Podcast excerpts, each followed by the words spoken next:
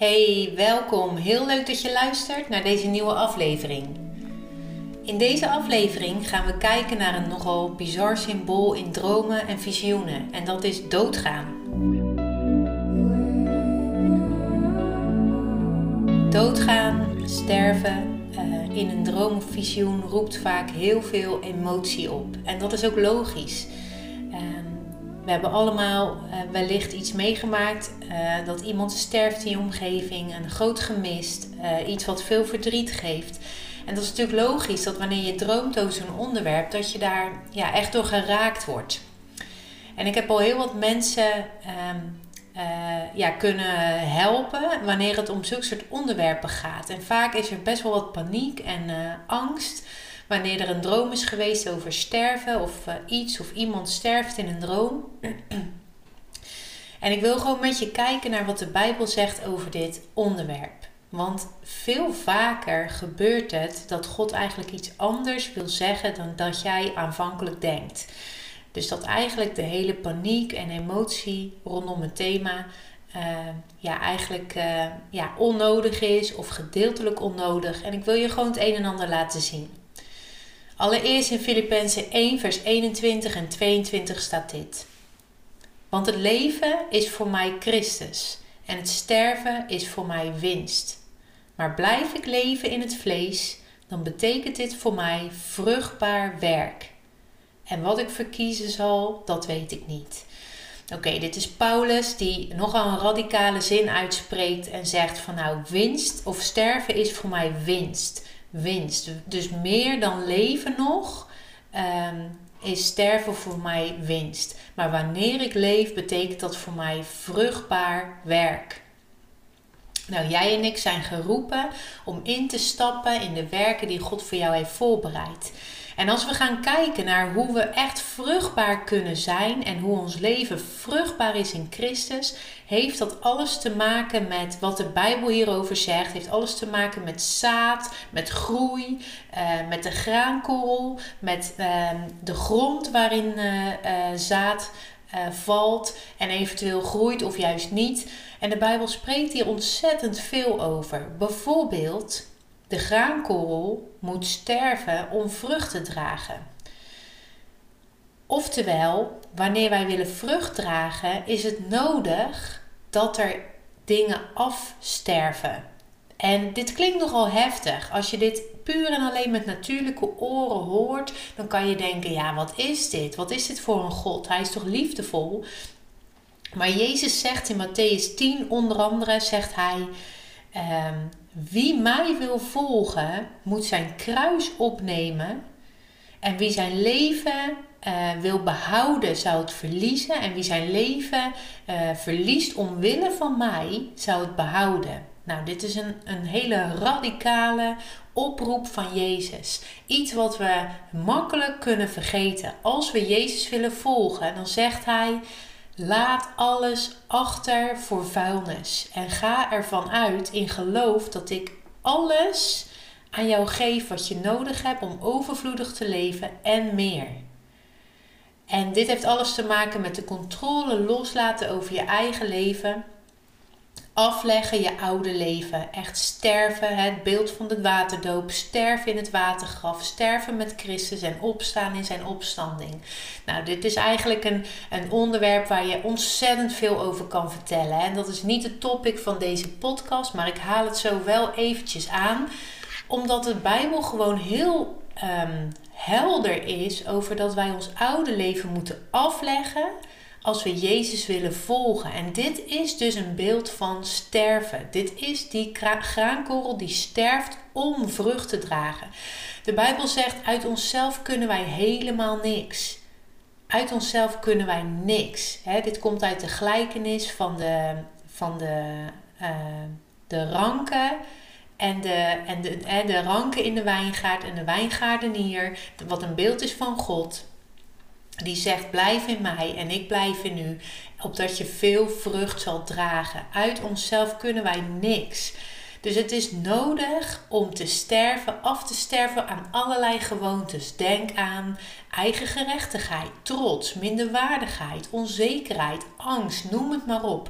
uh, allemaal dingen die mogen afsterven in de wetenschap dat je een nieuwe schepping bent in Christus. Nou, als je kijkt naar deze dingen die de Bijbel zegt over sterven, dan krijgt dus dood en sterven een heel ander perspectief dan iemand die doodgaat. Dit is belangrijk om, om te pakken als je wil begrijpen wat God eventueel kan spreken door symbolische dromen want we gaan uit van een symbool, niet van een letterlijke droom waarin iemand sterft, maar een symbolische droom. En wat God daar doorheen zou willen zeggen. Nou, de Bijbel spreekt ontzettend veel over je leven afleggen, sterven aan jezelf, het vlees kruisigen en noem het maar op. Het zijn echt van die lekkere, radicale thema's waar je echt een andere kant ziet van de liefdevolle Jezus die wij ook kennen. En dat hebben we nodig. We hebben het nodig. Waarom? Om vrucht te dragen. Om vrucht te dragen kunnen we dat niet uit onszelf. Kunnen we alleen als we sterven juist aan onze oude begeertes. Dus wanneer we iets in de dood brengen, hè, dit is ook weer zo'n term. Ehm, een, een, een term die je echt even moet begrijpen. Iets in de dood brengen. Dat betekent dat je zegt: hé, hey, ik ben dood voor deze zonde. Hè? Ik ben dood voor de zonde en ik leef in Christus. Um, dan kan dit dus terugkomen in een droom of in een beeld of in een visioen. Dus jij kan dromen dat er iets uh, afsterft van jouw leven. Nou, even wat context.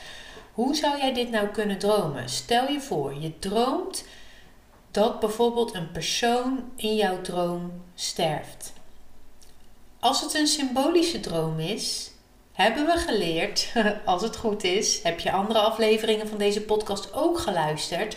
Als het een symbolische droom is, dan weet je dat die persoon dus ook een symbool is. Hij staat symbool voor iets, een eigenschap, noem het maar op.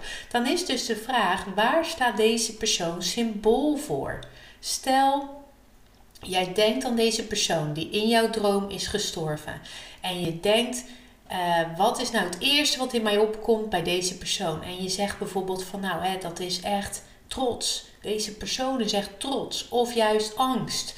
Uh, deze persoon is angstig. Dan kan het zijn dat God spreekt, hey, angst uh, mag sterven in jouw leven in deze tijd. Dit is de periode waarin het echt mag afsterven van je leven. Of trots mag afsterven in je leven, mag in de dood gebracht worden.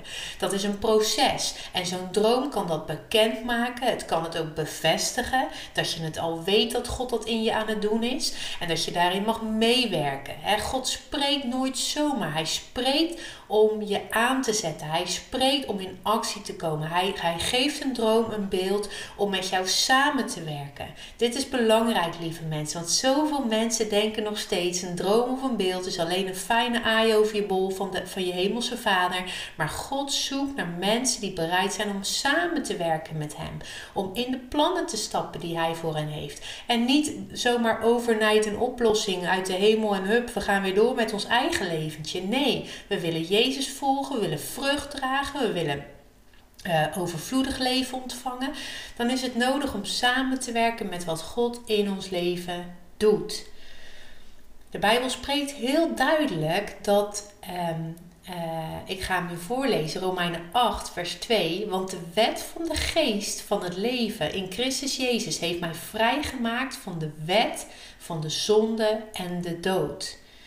Dus Christus is gekomen om de wet te vervullen, waardoor wij niet langer onder de wet van zonde en dood leven, maar leven onder de wet van de geest van het leven. Van het leven. Dus in de Bijbel zie je dat heel veel symboliek wordt gebruikt als het gaat om sterven en dood en leven en al die dingen nog meer. Dus wat is hetgeen uh, waar jij over droomt? Waar staat het symbool voor? Is het een persoon die sterft in je droom? Of ben jij het zelf? Uh, of weet je het van tevoren? Wat roept het in jou op? Heb je weerstand? Uh, wat valt je op rondom dit sterven? En dat kan van alles zijn. Ik had laatst iemand en die gaf, um, uh, die gaf aan, die persoon had een droom gekregen. En uh, dit had ook gewoon heel veel teweeg gebracht. En er was iets specifieks aan die droom. Iets, iets eigenlijk afwijkends van het geheel zou je kunnen zeggen. En juist datgene vertelde hem heel veel. dus je zoekt naar hetgeen, hé, hey, wat is hier, uh, wat licht God uit? Waar schijnt de Heilige Geest met zijn licht op? dus jij kan helemaal in de, in de paniek schieten van een droom over dood of sterven. Maar wat gebeurt er nou echt? Wat valt je op? Wat licht God uit? Een ander voorbeeld wat ik wil geven is, um, er was een moment in de Bijbel, en iedereen kent dit verhaal wel, dat Abraham zijn zoon Isaac moest offeren van God. En op het allerlaatste moment voorzag God in een offerlam, waardoor Isaac niet geofferd hoefde te worden. En dit was een beeld, uh, een heenwijzing naar Jezus als perfecte offerlam. Het kan soms zo zijn dat wij uh, ergens onbewust of bewust het idee hebben dat wij zelf um, um, ja, zeg maar bepaalde dingen moeten dragen of oplossen. Terwijl we dus blijkbaar vergeten zijn, of ons hart of onze ziel of onze geest is het vergeten, bij wijze van spreken, dat Jezus deze dingen heeft gedragen en dat Hij het perfecte offerlam is geweest. Dus niet jij hoeft hier de verantwoording voor af te leggen, niet jij hoeft dit te dragen je leven lang, niet jij hoeft hier mee, mee te handelen. Nee, je mag een beroep doen op het perfecte offerlam Jezus Christus. Zo kunnen er allerlei betekenissen dus zijn als het gaat om dood. Nu wil ik ook een andere kant belichten. Het kan zijn dat jij heel veel uh, angst of trauma hebt rondom dood, rondom sterven. Bijvoorbeeld, je bent al heel jong in aanraking geweest met iemand die overlijdt, iemand die je dierbaar is, misschien een ouder, uh, misschien meerdere mensen. En je bent al heel jong in aanraking gekomen met dood. Bij mij was dat bijvoorbeeld het geval. En dat zorgde zeker omdat ik toen Jezus nog niet kende en nog niks wist van het eeuwige leven wat er mogelijk was in Hem. Zorgde dit voor een angst. Een echt een diep gewortelde angst in mijn leven. En die angst, of dat trauma, werd een landingsbaan voor de vijand. Dit moet je goed begrijpen. Te veel mensen denken dat de vijand maar in en uit wandelt wanneer die maar zin heeft. En als je bevrijd bent, is alles over. Maar bevrijding is heel vaak nodig, maar het is letterlijk de kogel uit de wond halen en daarna heeft die wond verzorging nodig. Oftewel, je hebt heling nodig, je hebt verandering van denken nodig, verandering van handelen, patronen, noem het maar op. dus de angst was de landingsbaan voor de vijand. De vijand was niet zomaar binnengekomen. Nee, het trauma, de angst was, was de landingsbaan geworden. Wat dan belangrijk is, is ten eerste uh, erkennen dat het zo is. Erkennen dat ook al weet jouw volwassen verstand heel goed dat je niet bang hoeft te zijn voor dood en dat, je, hè, dat die persoon bij Jezus is en enzovoort enzovoort. En we kunnen onszelf zoveel mooie dingen vertellen als volwassenen en ons, en ons hoofd gelooft het, maar ons hart gelooft er niks van. Dus erkennen, hey, dit is gewoon een angst in mijn leven, dit is een trauma in mijn leven of dit is een pijnpunt in mijn leven. Dat is ontzettend belangrijk, want dan kan er verandering komen, dan kan er groei komen, transformatie komen, heling komen en bevrijding komen. Dan is er een moment van bekering. Dus je keert je af van datgene wat je kent, wat je gevangen houdt en je keert je toe, en stap 2 is veel belangrijker nog, naar Jezus.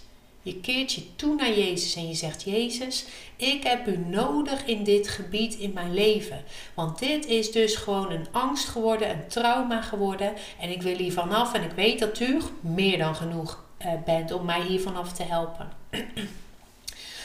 Dus je keert je toe naar Jezus en je vraagt Hem: reinig mijn uh, geweten, reinig mijn gedachten van dit trauma, reinig mijn uh, hele persoon, mijn zijn van dit trauma in de naam van Jezus. Weet je, ik heb dit vaker genoemd, maar er was een moment dat Jezus bloedde, specifiek voor het reinigen van ons geweten. En het is zo mooi, het is prachtig om te zien. Jezus wist dat alleen vergeving van zonde, alleen bevrijding van de vloek, alleen genezing in ons lichaam niet genoeg was. Hij wist dat we losgemaakt moesten worden van herinneringen die ons anders zouden blijven achtervolgen. En dat zijn de dingen die je hebt gezien, gevoeld, gehoord, geroken. En dat kunnen triggers worden, pijnpunten worden. En, en in extreme gevallen worden dat herbelevingen, wordt dat PTSS en dan blijft dat je leven lang je achtervolgen. En je hebt misschien bevrijding ontvangen. Je hebt misschien heling en genezing ontvangen. Je weet dat God je vergeven heeft. Je hebt de andere personen vergeving geschonken. Maar die gedachten blijven je teisteren. Dus zo ontzettend belangrijk is het om Jezus uit te nodigen met zijn reinigende bloed over deze trauma's, over deze herinneringen zodat ook werkelijk de angel van de angst of van de pijn of van het verdriet eruit gehaald kan worden door de enige die dat werkelijk kan, en dat is Jezus Christus. Vervolgens eh, vraag je hem, eh, kijk, luister goed, het bloed van Jezus. Er is niks krachtiger als het bloed van Jezus. Er is niks krachtiger op de aarde, onder de aarde en in de hemel als het bloed van Jezus. Dat betekent dat op het moment dat wij bedekt zijn op die specifieke plek, je bent altijd bedekt onder het bloed van Jezus, begrijp me niet verkeerd. Maar deze, als het ware, uh, dit bezette gebied, wat eerst bezet was, dat heb je specifiek uitgenodigd, heb je Jezus in uitgenodigd, bedekt dit, dit gebied met uw bloed. En dat is niet te overtreden. En dan zeg je, Jezus, Dank u wel dat ik in uw naam autoriteit mag nemen over elke demonische macht die zich gehecht heeft aan dit gebied, aan mijn geest, ziel of lichaam. Ik bind het, ik bestraf zijn werk en ik gebied het mijn leven los te laten in Jezus' naam. Helder en duidelijk. De kogel is uit de wond en vanaf dat moment kan de wond heling, genezing gaan ontvangen. Kan je denken gaan vernieuwen op dat vlak? Kan je met andere ogen gaan kijken naar iets wat je soms jarenlang op een bepaalde manier hebt bekeken?